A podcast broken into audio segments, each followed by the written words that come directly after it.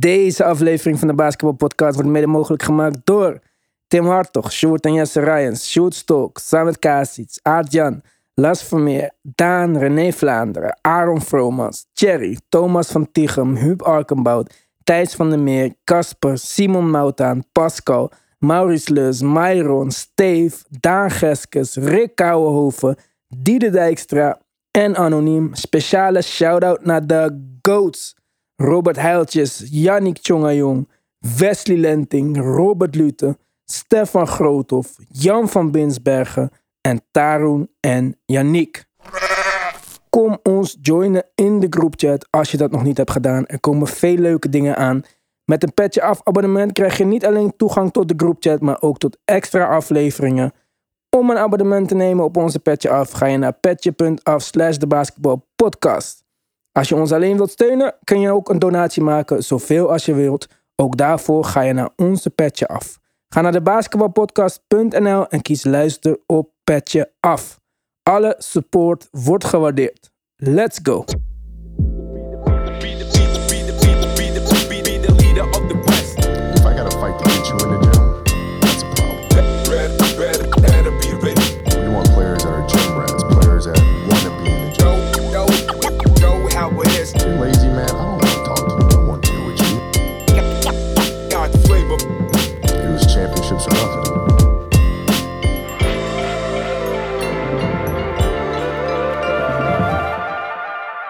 Eindelijk, na drie jaar, kan ik een podcast maken over de New York Knicks. ik heb eindelijk iemand gevonden die net zo enthousiast is als ik om de Knicks te kijken. Ergzin is er weer vandaag. Eh, we hebben het ook al op de app over gehad, volgens mij. Gewoon, Ja, klopt. eh, het zit niet mee eh, als Knicks-fan. Maar in de basis is het zo mooi. Het mooiste stadion, de beste ambiance. Je hebt Walt Frazier met Mike Breen. Ik denk het beste commentaarduo in de geschiedenis van de NBA. Alleen je hebt één gekke eigenaar. Je hebt een coach die weigert om jonge spelers te spelen.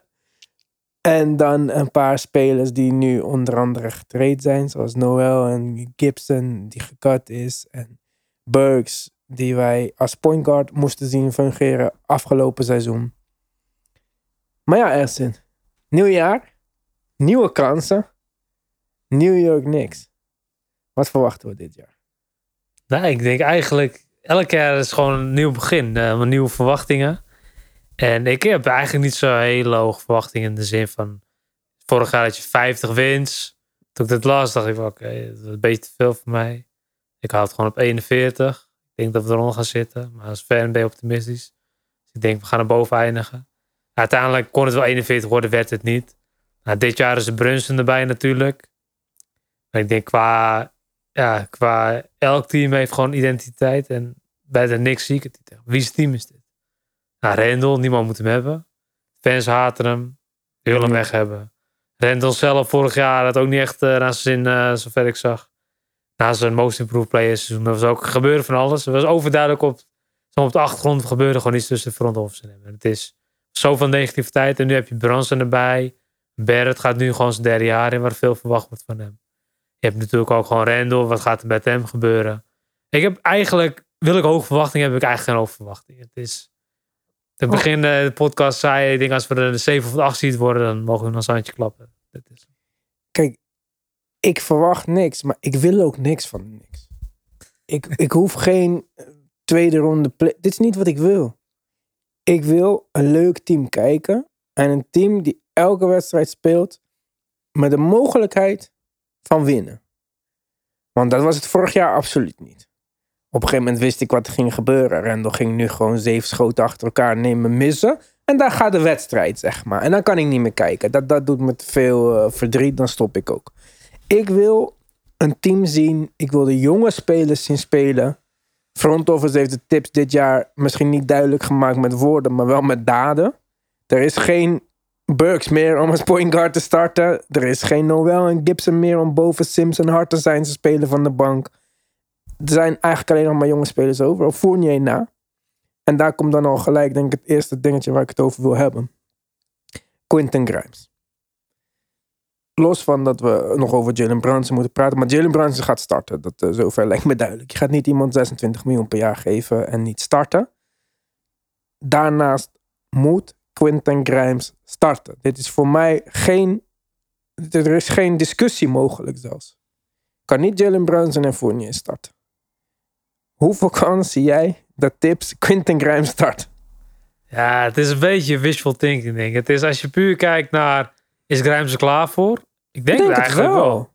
Maar je hebt Fournier en die krijgt wel 17, 18 miljoen per jaar. En je moet de waarde van een speler moet je hoog houden. Ik bedoel, Van front office willen misschien hem ook wel treden. Maar als er 18 miljoen van een bank afkomt, je moet assets weggeven om van hem af te komen. En nu wordt hij eigenlijk nog als asset zien. Nou, was denk ik een van de top 10 spelers qua aantal drietjes die hij had gescoord. Nummer 1 En elk team heeft een, eh, voor de elk Knicks. team heeft zo'n jongen Knicks nodig. history, ja. Niks history Ja. nummer 1. Hm. Ja, maar eh, van mij hoeft hij niet eens weg. Van de bank.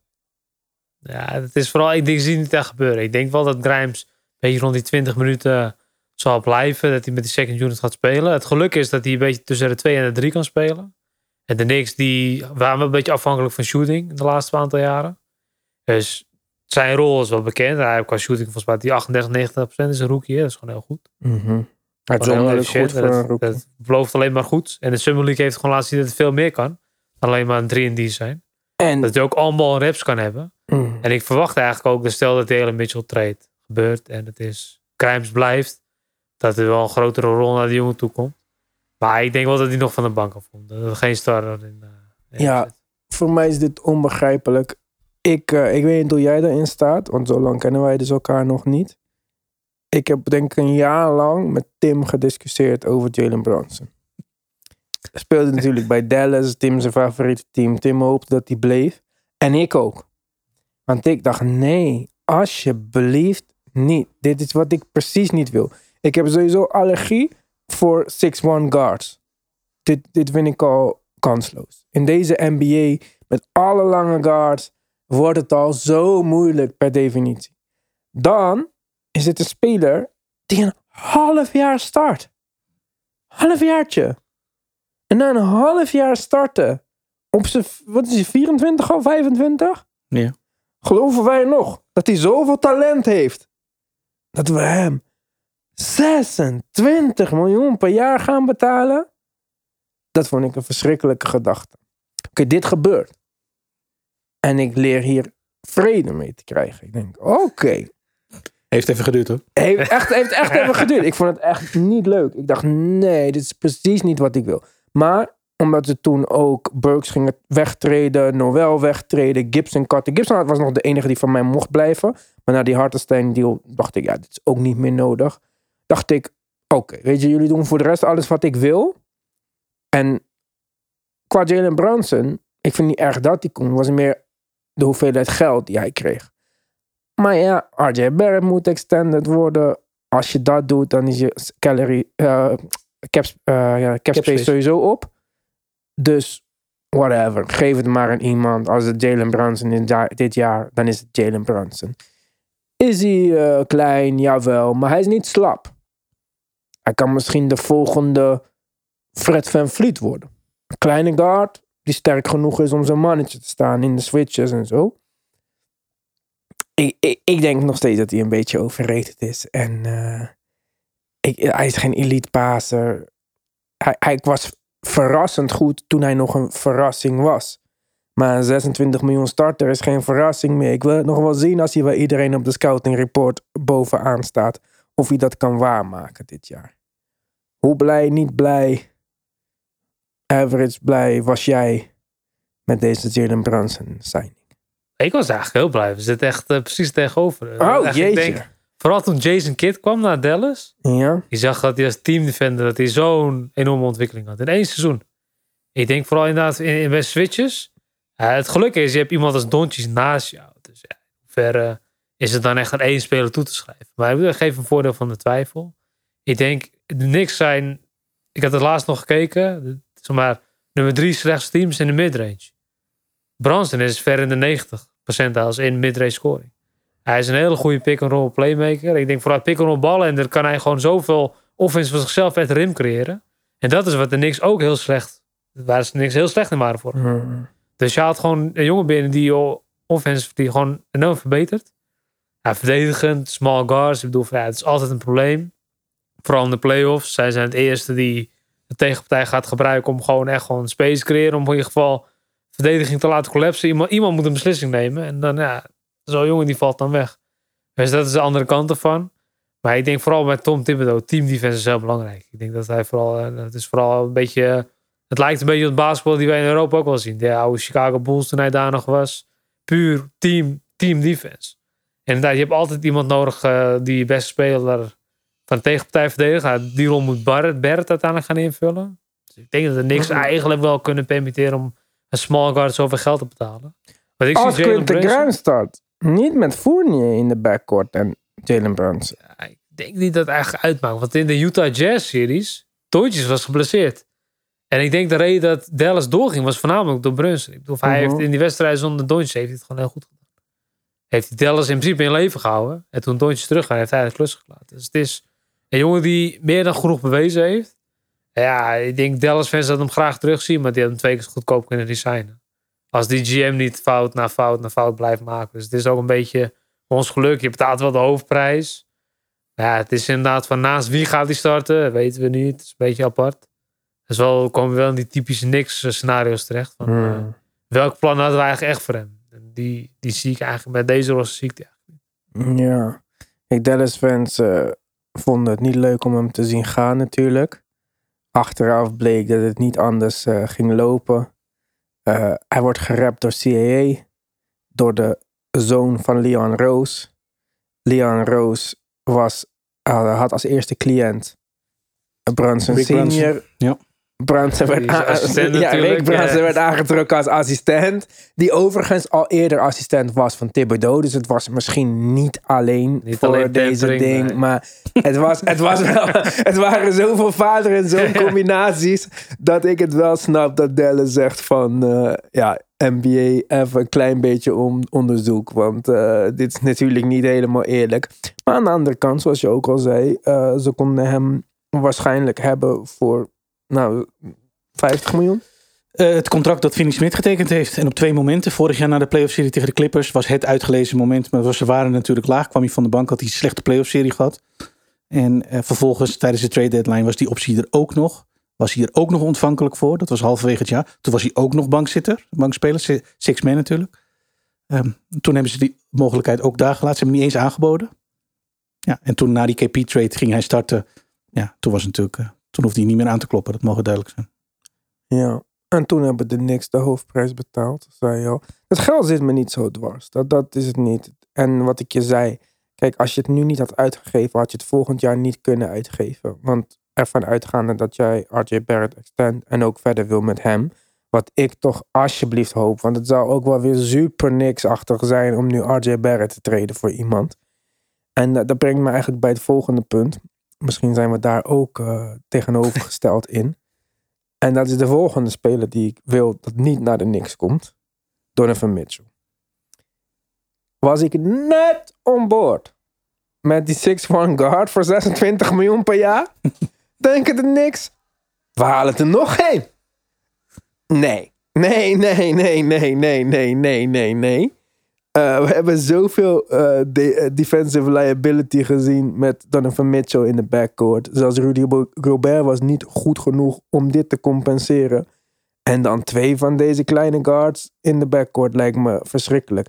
Al had je voor Donovan Mitchell getraind zonder Jalen Brunson, was ik on board. Beter dan dat kunnen de niks niet krijgen. Je moet ook reëel zijn, dan maar beter dan niet. En iemand die zijn eigen schot kan creëren in de halfcourt, naast al deze spelers die dat niet kunnen. Oké. Maar je hebt Jalen Brunson gekregen. Zoals we zeiden. Misschien iets wat te veel betaald. Maar het heeft je verder niks gekost. Geen picks en nog wat. Niks hebben 11 first round picks beschikbaar. Ze hebben jonge spelers. Ze kunnen een trade maken voor iemand. Maar ik wil niet dat die iemand Donovan Mitchell is. En dat pakket, wat je overal ziet er rondgaan, dat was volgens mij Obi, Quinten, Quickly, zeven picks, drie picks. Nou, nee, nee, alsjeblieft, alsjeblieft, alsjeblieft niet. Ja, dat is wel inderdaad echt een hoofdprijs als je erover nadenkt. Ik denk dat het is echt een dilemma. Ik bedoel, van wanneer sla je toe? Niks kunnen toeslaan. En is hij de man waarvoor je wilt toeslaan? Ja, laten we eerlijk zijn. Hij heeft wel 20 punten per seizoen. Elk seizoen. Als rookie heeft hij de Jazz naar de playoff geleid. Zijn geluk was, hij heeft, naar mijn mening, een van de beste verdedigers ooit in de NBA, Rudy Gobert, naast zich gehad. Oké. En ondanks dat is het uiteindelijk niks geworden, omdat eh, hij zijn mannetje liet lopen en dacht van die andere, die gek, die lost toch alles voor ons op. Mm. Ja, tot hij natuurlijk zat was. Dus je haalt wel inderdaad van, met hem snap ik die zorgen veel meer in de perimeter. Dat je denkt van, eh, een small guard, inderdaad van die makkelijk te elimineren is. Nou, pak gemiddelde jazz eh playoff serie erbij. Je zult bewijs zien. In de clutch is hij al jarenlang een van de slechtste spelers in hoog volume.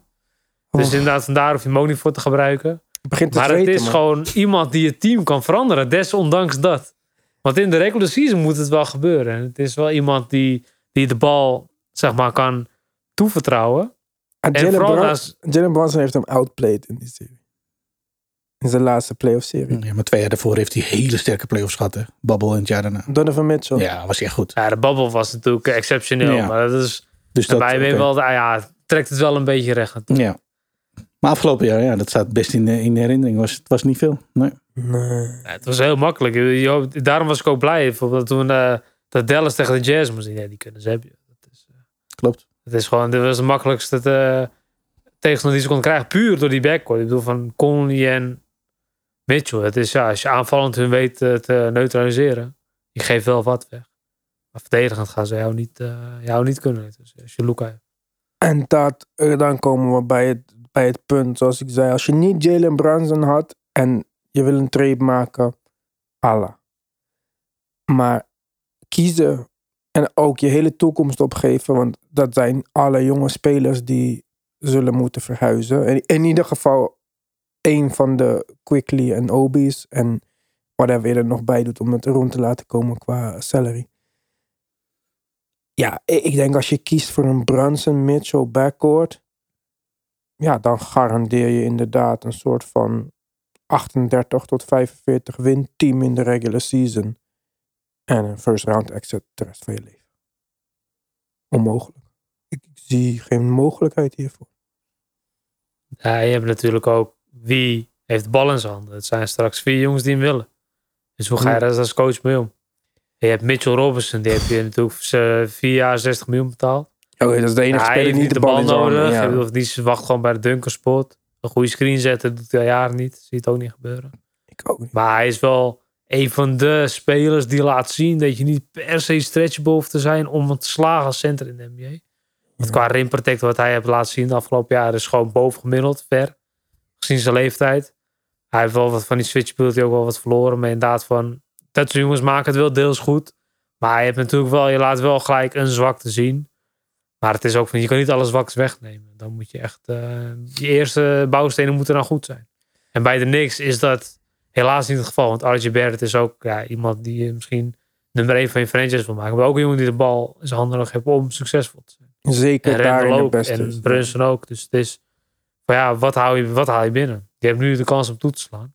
Ik zou persoonlijk wel leuk vinden om Donovan Mitchell voor de Knicks te zien. Nou, Met hoe gek het ook klinkt. Met Brunson inderdaad. Maar zes picks. Nou, zelfs dat wil ik me nog wel gewoon accepteren. Maar geen Maar jonge dat- spelers, toch? Nee, maar een van die drie moet wel blijven. Ik hoop dat Grimes blijft.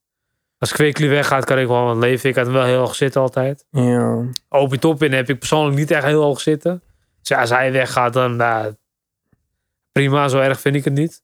Want laten we eerlijk zijn, met Rendel gaat hij nooit lang spelen. Nee. Maar Randall nog mag ook weg van mij. Dus, eh. Nee, precies. En dat is ook weer inderdaad. Van, eh, maar ik denk het enige om deze trade echt te laten zeggen van... Oké, nu hebben we echt gewoon een groot slag geslagen. Is als Rendel naar de Jazz gaat, ja. dan heb je een groot slag geslagen. Maar als dat niet gebeurt, en je hebt straks ja, één bal en vier man die hem constant nodig hebben... dan heb je wel een groot probleem in. En Dan moet je als coach wel echt van goede huizen kopen. ja. En Thibodeau is goed, maar ik denk niet dat hij dit team... eh, Offensive Gewoon, is hij eh, niet goed genoeg sowieso om dit uit te vinden. Om hier iets geniaals op te bedenken. nee, en Tom, Tom Thibodeau is pick and roll. Dus ja, laten we eerlijk zijn. Wie van die vier spelers ga je zeggen van... Dat is echt Rose Gibson-achtige combo. eh. Ja. Die ga je niet meer makkelijk kunnen vinden. Dus het is... Ja, het is, je haalt een nieuw probleem in huis, maar je lost wel een heel groot probleem op. En het is van... En vind je dat waard? Zes picks en een paar spelers. Eigenlijk, dan moet je gewoon een franchise-changing player hebben. Dan moet je gewoon KD, Ingram, dat, dat soort jongens denken. Niet Ja, maar als je mis had gegrepen met eh Brunson, als die uiteindelijk niet voor niks, dan vind ik dit een, een logische trade om te maken. En wat je zegt, ik ben ook een Quickly fan.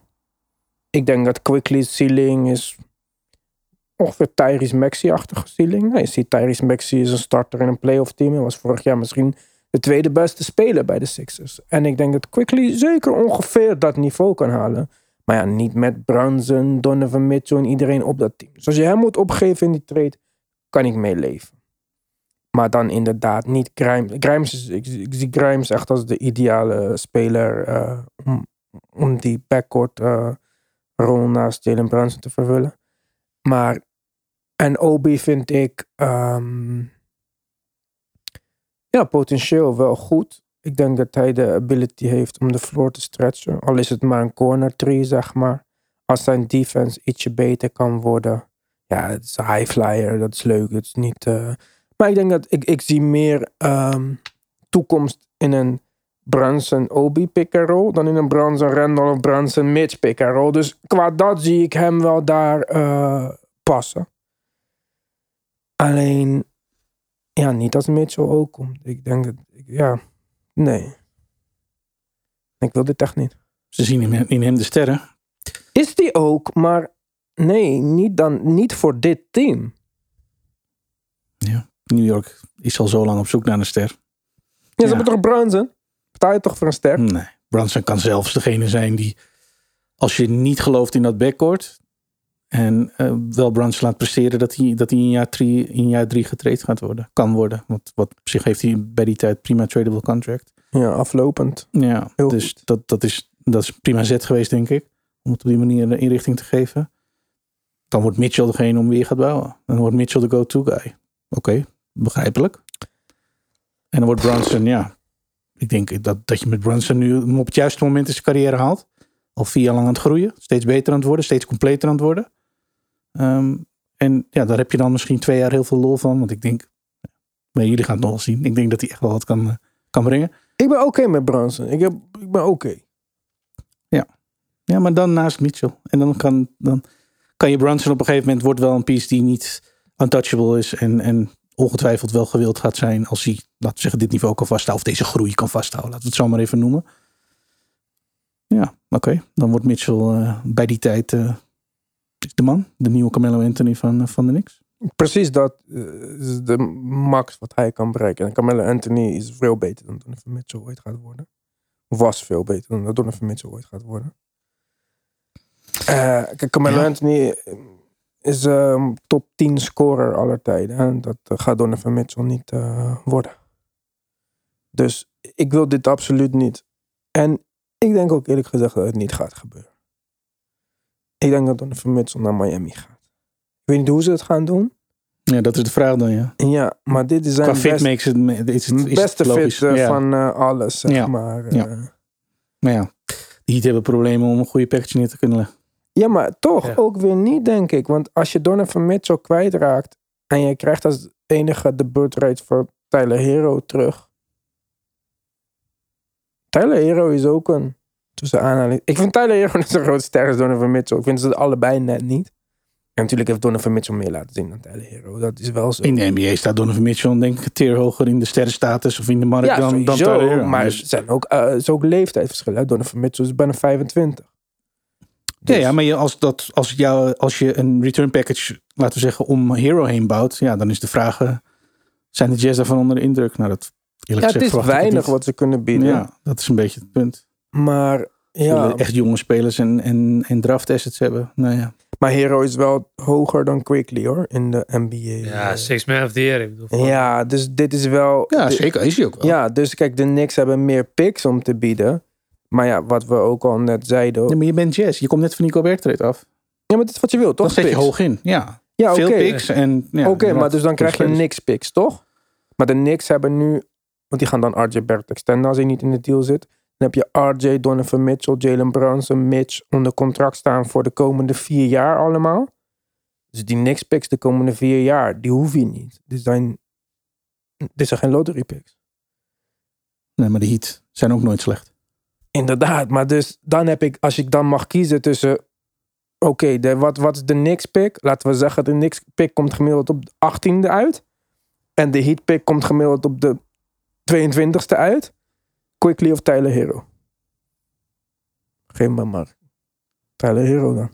Ja. Dus ze zullen misschien ook kijken naar de organisaties. En de beslissingen die de organisaties nemen. En de historie en track record daarvan. Ja, en daar staan de Knicks er ook niet lekker op natuurlijk. Die Heat zijn vrij, vrij solide. En de Knicks ja, gaan nog wel eens eh, bocht rechtsaf, linksaf. En dat je denkt, ja, en zonder resultaat. Ja, misschien dat je daar dan op gokt. En hoopt dat ze, ondanks dat er nu best wel positieve signalen zijn. Dat het met een jaar of, eh, wat, waar hebben we het over? Een jaar of twee, drie, eh, toch, eh, toch allemaal niet zo goed blijkt. Om welke reden dan ook. Want dat is bij New York. Er zijn ook externe Ja, factoren die meewegen. Ja, ja, ja. En dat je dan eh, kan profiteren. Als, en dat is bij de Heat is die kans gewoon aanmerkelijk kleiner. Want dit is gewoon ja, een solide toporganisatie die altijd goed meedraait. Nou, als je, te zo, als je zo je, je risico zou berekenen, dan zou ik kiezen voor de Knicks picks. Oké, maar Ersin, jij zit in de kamer met Leon Roos. Telefoon gaat. En eh, het is, eh, hoe heet die guy? Van eh, Boston. Danny Ainge? Danny Ainge. En hij zegt, ehm, het is eh, quickly, top-in, salary filler, vier unprotected first round picks. We willen die Dallas pick. En we willen drie pick swaps. Ja of nee? Ik denk totaal acht picks. Met die picks was erbij. Dat is echt tijd te veel. Maar als je had gezegd, ik wil drie unprotected. Twee pick swaps. Die Dallas pick. Totaal zes. En die twee spelers. Met die salary filler die waarschijnlijk voor je is. Dan zeg ik gewoon ja. Ja. Ik denk dat dat gewoon een eh, eerlijke trade is. In de zin van die Dallas pick. Dallas was de tweede beste team in de NBA vorig jaar. En dat was na een heel slecht begin. Dus die pick, dat is laat 20, dat weet je al. Dus de Jazz, die zien die eigenlijk al, die was volledig first round pick. Ja. En die pick swaps, het kan twee kanten op gaan. Als de Jazz nou gewoon in één keer goed draaien. Maar hoeveel heb je aan zo'n pick swap? Pick swaps worden tegenwoordig ook een beetje overrated. Maar die Ja. unprotected niks picks, ja, die kunnen voor alles worden. Dus, eh, of je haalt een top 10 pick in huis. Weet je wat de Nets hadden met die Boston trade? Ja. Ze de toekomst weggaven en het waren gewoon Jason Tatum en Jalen Brown. Ja. Die je voor terugkreeg. Ja. Het kan dat worden. Of het wordt gewoon 18 en 20, zoals je zegt. En dan heb je gewoon een, win eigenlijk als New York. Dus het is, je moet als New York wel een goed plan hebben als je, deze, als je zes picks accepteert. En ja, ik denk het enige goede plan, dat zou wel zijn als Randall de andere kant op gaat. En het is, Als ze toch wel een eh, trade weten te realiseren met Rudy Gay en, en Mitchell om het geld te laten werken. En ja, stuurt Randall die kant op. En je betaalt een één om protect pick extra wijs van om tussen aanleidingstekens van zijn contract af te komen. Dan is dat ook wel iets waar ik mee kan leven. Maar ik denk totaal eh, vier picks, drie picks swaps, Dallas pick. Nee, dat, eh, dat, eh, ik denk dat als, als KD daarvoor zou inzetten, ik ook zou zeggen, nee dankjewel. Dat is me even te veel. Maar ja, als je kijkt naar de Gobert trade en er moet een schepje bovenop, ja, dan komen we bij dit uit ongeveer. zeg Ja, maar. precies. Maar het is inderdaad een Wolves met Gobert, Edwards en Carl Anthony Towns. Dat team is veel beter dan wat de Knicks nu hebben. Dit team ooit zal worden. De Wolves zijn gewoon legit contenders op dit moment. En het is, ik denk vooral omdat Gobert zo onderschat wordt, dat mensen daar, hun- daar het respect niet voor geven. Man. Ik denk dat de Wolves volgend jaar top 4 team in de West zijn. En zo de finals in, eh, Let's go. in de West kunnen halen. Het is vooral met dit team met. Kat, Finals in de Gobert, West. en Edwards. maar hoe Edwards steelt, dat is, hij hoeft zich verdediger nergens zorgen meer om te maken. Hij is ook Ja. een goede verdediger. Dus die picks zijn naar mij deel minder waard dan die van de Knicks. Wat er ook met het team gebeurt. Want ze houden altijd Edwards aan. En hij is gewoon een toekomstige top 10 speler naar mij. Anthony Edwards. Zeker. En binnen 4, Interessant. 5 jaar van nu, hij zit denk ik echt in de top 10. Oké. Ja, ik vond hem vorig jaar in de playoffs goed. Maar eh, ja, ik heb wel eens vraagtekens gezet bij zijn professionele houding, zeg maar. Dat moet ik nog even zien. Een heel jaar. Maar eh, top 4 in het Westen. Rudy Gobert, eh, een van de meest aan de... Dit zijn dingen die we niet vaak voorbij horen komen in deze podcast. Dus eh, Maar dat is goed. ja, dat is goed. Maar oké, eh, ik zei het net, je zit naast Leon Roos. Je zegt dus nee tegen die trade, wat ik net zei. Maar met al deze picks, hè, en met deze arsenalen jonge spelers, die wij misschien als Knicks-fan iets hoger hebben zitten dan de rest van de NBA. Dat moet je er wel bij zeggen, denk ik. Want wij zijn gek op Quentin Grimes, wij zien in Quim. Maar ik weet niet of de rest van de NBA het zo ziet. Wie is een haalbaar target die je liever zou zien en waarvan je wel zegt, die maakt dit Knicks-team ja, overtuigender voor jou? Het is wel een beetje moeilijk inschatten. En het is vooral welke posities zijn we naar op zoek. Ik denk, qua guards vind ik niet echt dat er nog wat bij moet. Ik denk dat je prima kan spelen met Barrett op de 2 en Brunson op de 1. Dat je met zo'n backcourt gaat spelen. Denk ik ook. Ik met denk dat je voornamelijk- backup. De Rose en Brunson, dat je die laat spelen. Ja, Rose wel het baldominant, maar Ja, maar backup, ik vind Rose echt een prima backup point guard eh, in dit punt van zijn carrière, zeg maar. Zolang hij fit blijft. En met Grimes en Quickly heb je nog eh, genoeg insurance die ook wat balhandling duties kunnen delen. precies. Ik denk dat er niks. Als je zo'n trade aangaat, dan moet je gewoon voor het hoogst van het hoogst LeBron James proberen over te halen om toch naar niks te gaan. De Lakers liggen nu op de grond. De rug eh, kansloos. Ze hebben niks meer over. En zij zullen misschien ook op een punt komen dat ze zeggen van, nou, we moeten nu toch wel naar de toekomst gaan denken. Want LeBron, die blijft hier misschien niet meer. Ja, zal LeBron ooit in zijn leven getraind worden? Ja, dat is ben ik tikkeltje hoog. Ja, dat kaliber. KD, LeBron James. Beetje top van de top. Daar zie ik ze gewoon 100% voor al in gaan. Ik denk Donovan Mitchell. Ik heb Donovan Mitchell. hoe- Ik zou hem wel graag willen zien in- bij de Knicks. Maar als je zegt van, zie je hem echt als een top 15 speler in de NBA? Eigenlijk niet. Nee, ik ook niet. Maar ja, LeBron eh, zou ik helemaal niet willen dat hij naar de niks komt. Dan, eh, ja, vijf jaar geleden, maar niet nu. Dat is lastig dan. Hè? Er zijn niet echt andere spelers waarvan je zegt van ja, die is en wel een soort van available. Sterren zijn altijd, altijd wel heb je er wel een buitenkans. Het is niks kunnen zich permitteren om te wachten. Dus waarom zou je niet toeslaan? Ja, ik zou Wat ook is niet de incentive? doen. Ik bedoel Ja. van, eh, ik denk dat de leverage nu vooral bij de Knicks ligt. Ik bedoel van de Jazz, die heeft een trainer weggedaan. Die hebben een hele jonge trainer hebben ze aangesteld. Mhm. Ze hebben Gobert weggetraind. Ze hebben Royce O'Neal weggetraind. Mhm. Dus dat is denk ik de belangrijkste factor. Want dat was gewoon een hele goede roleplayer voor hun season succes. En die hebben ze ook weggetraind. Dus Ja. welke kant willen ze op? Zij willen gewoon slecht zijn. Zij willen volgend jaar misschien Scoot Henderson of Victor Wembanyama gaan nemen. Dat is de kans die ze opgaan. Dus, dus inderdaad, van, moeten de niks nu een beslissing nemen? Nee, de Jazz moet een beslissing Ja. nemen. Wil ik deze prijs? Of vind ik dat genoeg? Dus het is inderdaad, een best snijdt wel een beetje aan twee kanten. Maar ik vind wel dat, eh, zeg maar, hoe het nu in de media gebracht wordt. Dat het vooral de niks eh, zijn die een beslissing moeten nemen. Ja, dat is wel een beetje oneerlijk naar mij. Nee. Ja, denk ik ook. En wat je ook zei, ze hoeven helemaal niks nu te doen. Ik vind hun jonge core... Ik wil echt dit zien. Dit is waar ik naar uitkeek. Ik vind het zo leuk dat ze gewoon, eh, zeg maar, die, die eh, oude spelers hebben getraind. Want ja, we worden hier aangevallen door muggen en shit. maar eh, hoe heet het? Ik, ik, ik werd gek van dit point Alec Burks. Ik werd gek van dit, al dit soort acties. Dus ik keek er gewoon naar uit om te gaan kijken naar dus Jalen Brunson, Barrett. Ja, het is jammer dat Randall er nog zit.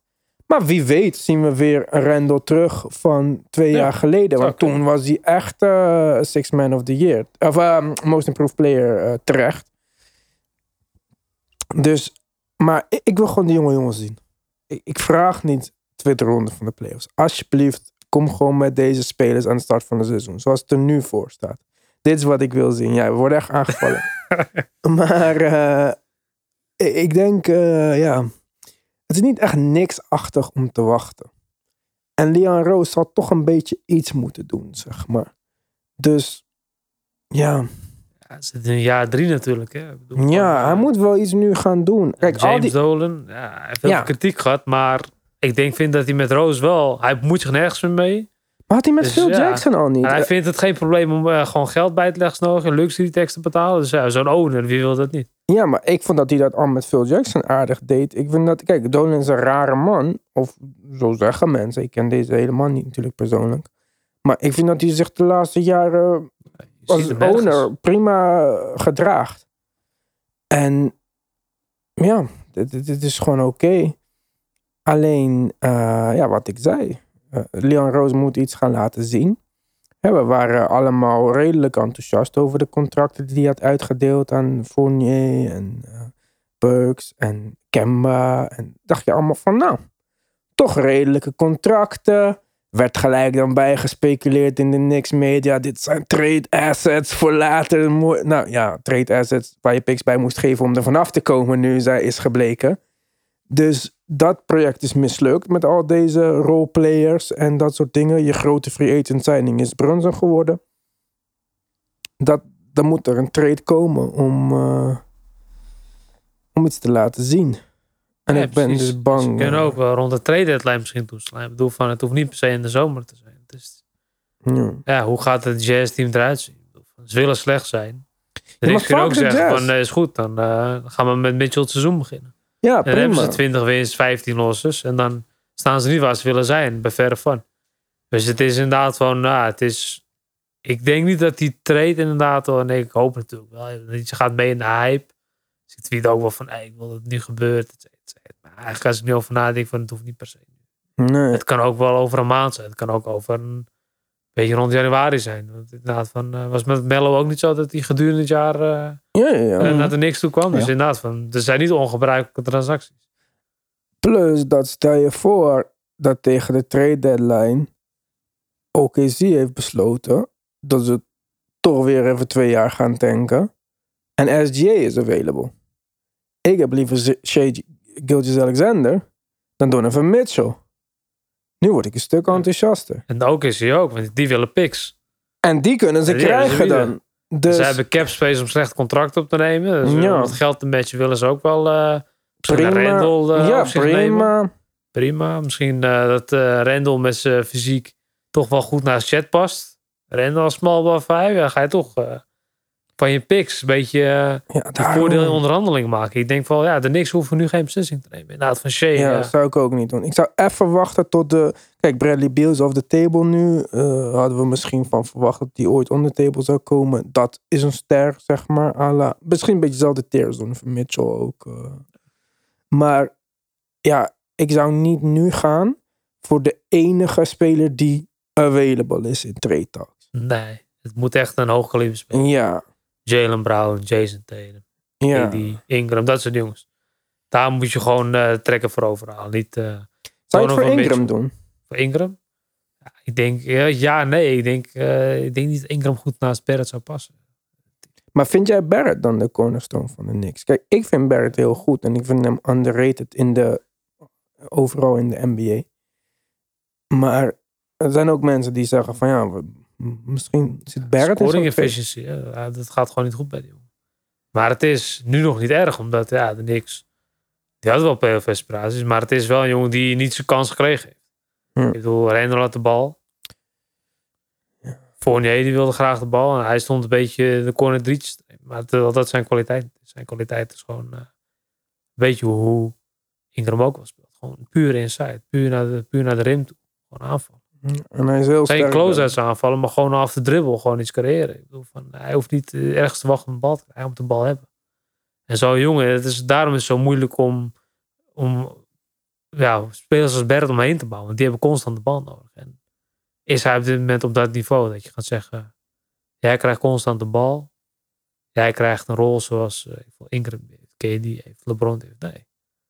Dus nu is het er vroeg voor. Dus het is nou nu nog niet erg. Maar ik zou wel die rol hem willen toevertrouwen. Maar goed, dat gooi je ook weg als je Mitchell naar binnen haalt. Hm.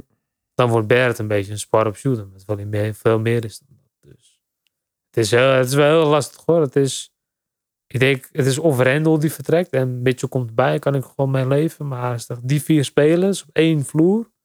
Nee, dat, dat wordt, dat wordt eh, denk ik geen succes. Denk ik ook niet. Wat, eh, als je zeg maar mocht kiezen, jouw ideale onrealistische line-up. Dus we praten niet over wat gaat gebeuren. Want in, in alle gevallen gaat Randall starten. Dat is onmogelijk. Maar bijvoorbeeld mijn ideale onrealistische line-up zou zijn eh, Brunson, Barrett, Cam, Obi en Mitch. Wat is jouw ideale onrealistische line-up? Voor mij zou dan Brunson zijn. Met Grimes. En Barrett op de drie. Randall op de vier en Mitchell op de vijf. Ik denk, Zou nog steeds Randall starten, ook Ja, in je onrealistische lijn. ik denk vooral eh, Cam Reddish. Ik denk als hij ooit start, dan, nou, dan hou maar op. Ik denk vooral, daarin ga ik wel een beetje tegen, tegen de rest in. Maar Cam Reddish, ik zie, ik zie het gewoon niet met hem. Ik bedoel, Hoezo van, niet? het is, Zoveel spelers als Cam Reddish, die heb je elk jaar in college basketball per een stuk of twee of drie van. Die hebben allemaal de bal nodig om iets te laten zien. Cam Reddish heeft de bal nodig. En gaat hij die krijgen? En het is niks ten nadele van hem. Hij is een heel goede, gewoon een super atleet. Ik denk ook qua verdediger heeft hij heel goede stappen gezet de laatste drie. Ja. ja, hij heeft wel blessureproblemen gehad. Dus hij heeft niet echt constant minuten gekregen. Maar aan de andere kant, hij heeft de bal nodig om succes te laten zien. Ik denk niet dat hij off-ball plays, winning plays maakt. Ik bedoel, spelers zoals Herb Jones, daar ga, ik nu graag mee. Die hoeven niet de bal te geven. Maar hij laat wel zijn impact laten zien. Die laat hij gewoon zien. Die, hij heeft niet per se de bal nodig. Hij is een beetje een defensive playmaker. Hij laat gewoon van zijn defense maakt hij gewoon zijn transition offense. En Cam, die moet bediend worden. En het is, je hebt zoveel jongens die succesvol zijn in de NBA als je ze maar bedient. Maar er zijn maar zo weinig rosterspots of minuten beschikbaar, of onbal beschikbaar voor de jongens. Het is Cam Reddish, ja, het idee is heel leuk, maar laten we eerlijk zijn, ik denk de Hawks een keuze hebben gemaakt tussen DeAndre Hunter en Cam Reddish. Ja, oké, maar die Ja, keuze zou ik ook voor. Ja, maar dan Ja. zou ik ook kiezen voor die Andre Hunter. Ja, dus daarom zou er niks eigenlijk, eh, vind ik dat er niks beetje ja, zichzelf wel wat lager zien dan zou moeten zijn als Cam Reddish een starter is. Dus Oké. ik vind hem wel een leuk speler voor off the bench, maar meer dan dat, dan hij dit zal het nooit worden. Nee, nooit. Nee, die potentie zie ik niet in hem. Ik, bedoel, wat ik wel in hem zie is een goede roleplayer. Misschien een eh, low-end starter als, eh, als hij het echt goed doet. Maar hij heeft gewoon die bal nodig. En dat is beter als hij in de second unit gewoon wat reps krijgt. Want daar kan hij gewoon de bal rekenen. En misschien gaan we Nou, hij produceert ook wel als ze tijd voor doet. Maar wat we met de Hawks wel zagen. Het waren gewoon wedstrijden die er eigenlijk niet meer zoveel om deden. Wegens blessures de kans kreeg. Bijvoorbeeld toen de wedstrijd in Madison Square Garden. Hij deed het wel goed. Maar ja. Wat stond er nog op de lijn? Eigenlijk helemaal niks meer. Dat was vooral spelers die eh, aan hun volgende contract denken. Of teams die gewoon aan de playoffs moeten denken. En denken van oké, deze wedstrijd doen ze veel toe. En de Hawks hadden eigenlijk ook niks meer eh, om voor te strijden. Dan geef je dat soort jongens een kans. Hm. En ze hebben uiteindelijk een first round pick voor hem gekregen. Dus het inderdaad van die nu... Ik weet niet zeker of het... Die nu niet AJ Griffin werd. Maar die hebben zij volgens mij zelf ook ingezet om... eh, ja, om een trade te maken. Ja, maar dat is Jonathan Murray. Ja, dus het is inderdaad van, ja, het is Essen die dan van team naar team gaat. Maar inderdaad, om lang verhaal kort te maken, Cam Reddish, ik zie de hype eerlijk gezegd met die jongen. Nee. Maar ja, jouw, jouw onrealistische line-up is eigenlijk de realistische line-up. Het enige verschil is dat dan Fournier eh, misschien zou gaan starten over Grimes. Maar ik weet het niet zo zeker hoor. Want zoals we al zeiden, Thibodeau is defense first coach. Grimes laat goede defense zien. Ik denk dat je nog best wel hem ergens dit jaar in de starting line-up zou kunnen zien verschijnen. Ik hoop het wel. Ik denk dat hij die kwaliteiten zeker heeft. Vooral als een defender. Ja. Dat is wat Thibodeau wil natuurlijk. En Fournier, laten we eerlijk zijn. Ik bedoel van... eh, Maar Fournier is juist perfect voor Van de Bank. Ik vind Fournier echt... Ik zie hem echt juist als een speler die erin komt. Torch de opponents. Een paar drie's achter elkaar. eh, eh, en weg Ja. naar de kant. En nu weer iemand die kan verdedigen. Ja, en, een beetje een microwave scoren. Maar het is, ja, hij krijgt 18 miljoen per jaar. En dan wil je zo'n jongen van de bank hebben. Dus er is heel veel dilemma's waar deze roster mee te maken heeft. Dus daarom hoop ik eigenlijk dat als die trade komt, een van de voordelen is dat zo'n probleem is voor je, daar ben je vanaf. Hij had Ja. wel een nieuw probleem in huis, maar ik heb liever dat staat natuurlijk. Vooral omdat die offbal gewoon veel, veel beter is. En niks genoeg eh onbal dominante spelers al in de starting 5 hebben. Dus het is zo'n jongen die past gewoon goed tussen. En die zal niet als een, ja, weet je, als een negatief eh, in termen van of Ja, van ja, ja. eh, team defense of zijn zijn responsibilities. Een beetje qua switches vind ik ook wel dat hij het goed doet. En Fournier verliest het daarop. ja, volgens ook. er nog een paar posities waar in de clutch defense dat Fournier dan de ballen moest gaan dekken. En dat, dat je van tevoren weet wat er gaat gebeuren. Ja, ja zeker. Oké, we sluiten af dan deze aflevering met de centerrotatie. Eh vrij vernieuwd. Ja, als je er niks volgt, heb je Sims gezien vorig jaar op het einde. Maar daar hadden we nog te maken met Noel, met Gibson, die eh, heel veel minuten speelde, ook door blessures natuurlijk.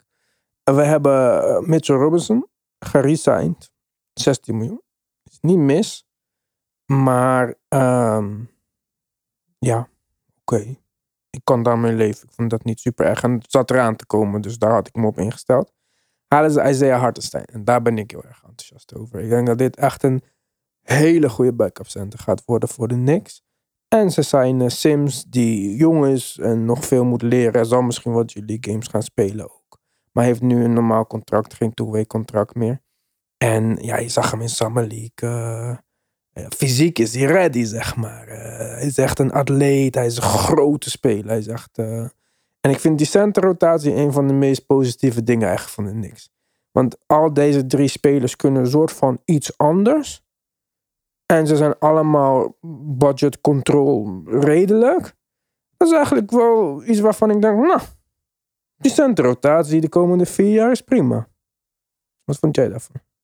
Nou, eigenlijk was hij wel een van de mensen die Mitch liever niet resign zag worden. Puur omdat ik dus wel qua wat hij biedt, niet echt een winnende team uiteindelijk zie. Maar inderdaad, als rim protector, als beetje switchable defender werd het wel wat minder. Maar dan geef ik voordeel van de twijfel. En het is inderdaad, hij heeft niet de bal nodig. Hij kan gewoon bij de Dunkersport wachten. En een paar uh, possessions per game dat hij gewoon 5, 6 punten scoort. Een paar blocks, 10 rebounds. Dat is gewoon een goede start in. Hij valt het probleem had hij heel veel. Is hij ook vanaf. Op dat gebied is hij veel beter geworden.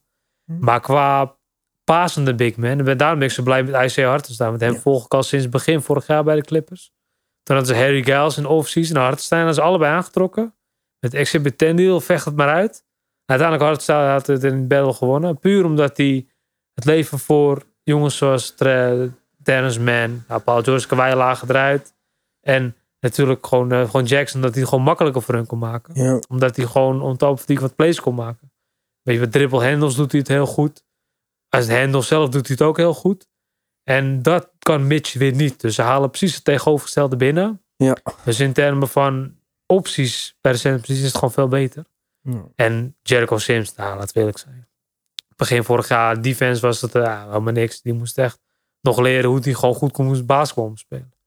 En nu, een jaar later, in de G-League zie je dat hij in de offense veel beter is. Qua activity, een hele goede screensetter. Mhm. Nogmaals, dan zien we die veel Amerikaanse spelers. bij de Knicks centerrotatie. En bij Amerikaanse centers zien we dat heel weinig. Maar hij is echt een goede screensetter. Die weet precies wat hij moet doen. Ja. Gewoon separation creëren. En niet iemand gewoon dwingen om een beslissing te nemen. Want dat, dat kun jij en ik ook.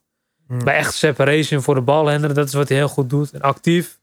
Actief rollen. Agressief rollen. Hij krijgt de bal nooit, weet hij. Maar hij blijft het toch doen. Gewoon een jongen die zich opoffert voor het team. En er niet bij de pak eh, neer gaat zitten als hij de bal niet krijgt.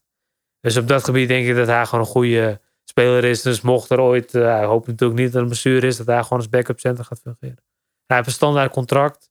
En hij heeft nog genoeg te bewijzen. Ja. Maar het is wel een jongen die ik gewoon 10 minuten per wedstrijd zie spelen. Dus uh, ja, voor je derde center is dit toch Dat is echt een jongen te bedrag ideaal, zeg maar. Precies. En een blessure in het geval van Mitchell Robinson is niet ondenkbaar. Ik wens het hem niet toe, dus ik klop even af. Maar laten we Ja, even realistisch blijven. maar dat, weet ook elke Knicks-fan, zeg maar. Dat Mitchell Robinson gaat niet Dat het wel een keer 82 kan games spelen. Exact. Dus En daarom ben ik zo blij met, eh met Hartenstein. Voor mij mag die misschien ook zelf starten. Ik weet dat dat niet gaat gebeuren. Omdat ja, Robinson heeft dat contract niet voor niks gekregen natuurlijk.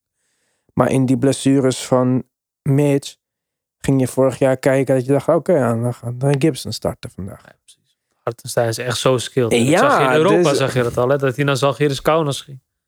Inderdaad, van, Hmm. dat was puur. Inderdaad, van in Duitsland was gewoon een van de grootste talenten. En inderdaad, uiteindelijk is hij toch in de NBA terechtgekomen. Hij is nu nog maar 24. Hè? Dus het is uh, Ja, daarom. die gewoon echt nog jaren kan inzetten. hele goede pick-up geweest. Ja. Kijk, ik zie het zo. Of we gaan de komende jaren naar een leuk, jong Knicks-team kijken. Waarvan we hopen dat ze verder kunnen groeien dan een play-in team. Of binnen nu, en misschien al voordat deze podcast uitkomt, is je hele toekomst getraind Ja, voor, voor een... eh. Ja.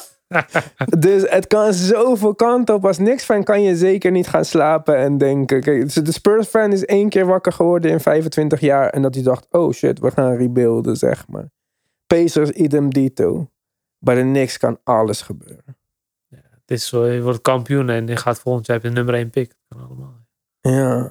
Morgen, Onvoorspelbaar. morgen kan ook Leon Rose worden ontslagen en is Isaiah Thomas weer terug. En dan eh, gaan we weer eh, zien wat er gaat gebeuren. Bij de Knicks is alles mogelijk. Ja, maar precies. Maar ik denk wel dat de kans bestaat. Dus stel dat Leon Roos na al deze hype, al deze signalen van we gaan eh, een grote move maken, niks doet, dat dit echt, eh, dat het echt zijn baan kan kosten. Dit seizoen echt een drama. Nou, als we kijken naar hoeveel eh, kansen Phil Jackson uiteindelijk heeft gekregen van Dolan. En dan was het grootste verschil met Phil Jackson dat hij Tilikina ging draften en zo met de achtste pick. En als we kijken naar de draft, naar McBride, naar dit, al die jongens die ze in de tweede ronde hebben gevonden, eind eh, eerste ronde, zijn prima spelers. Dus ze hebben misschien niet alles goed gedaan, maar ze hebben al meer goed gedaan om aan de toekomst te bouwen.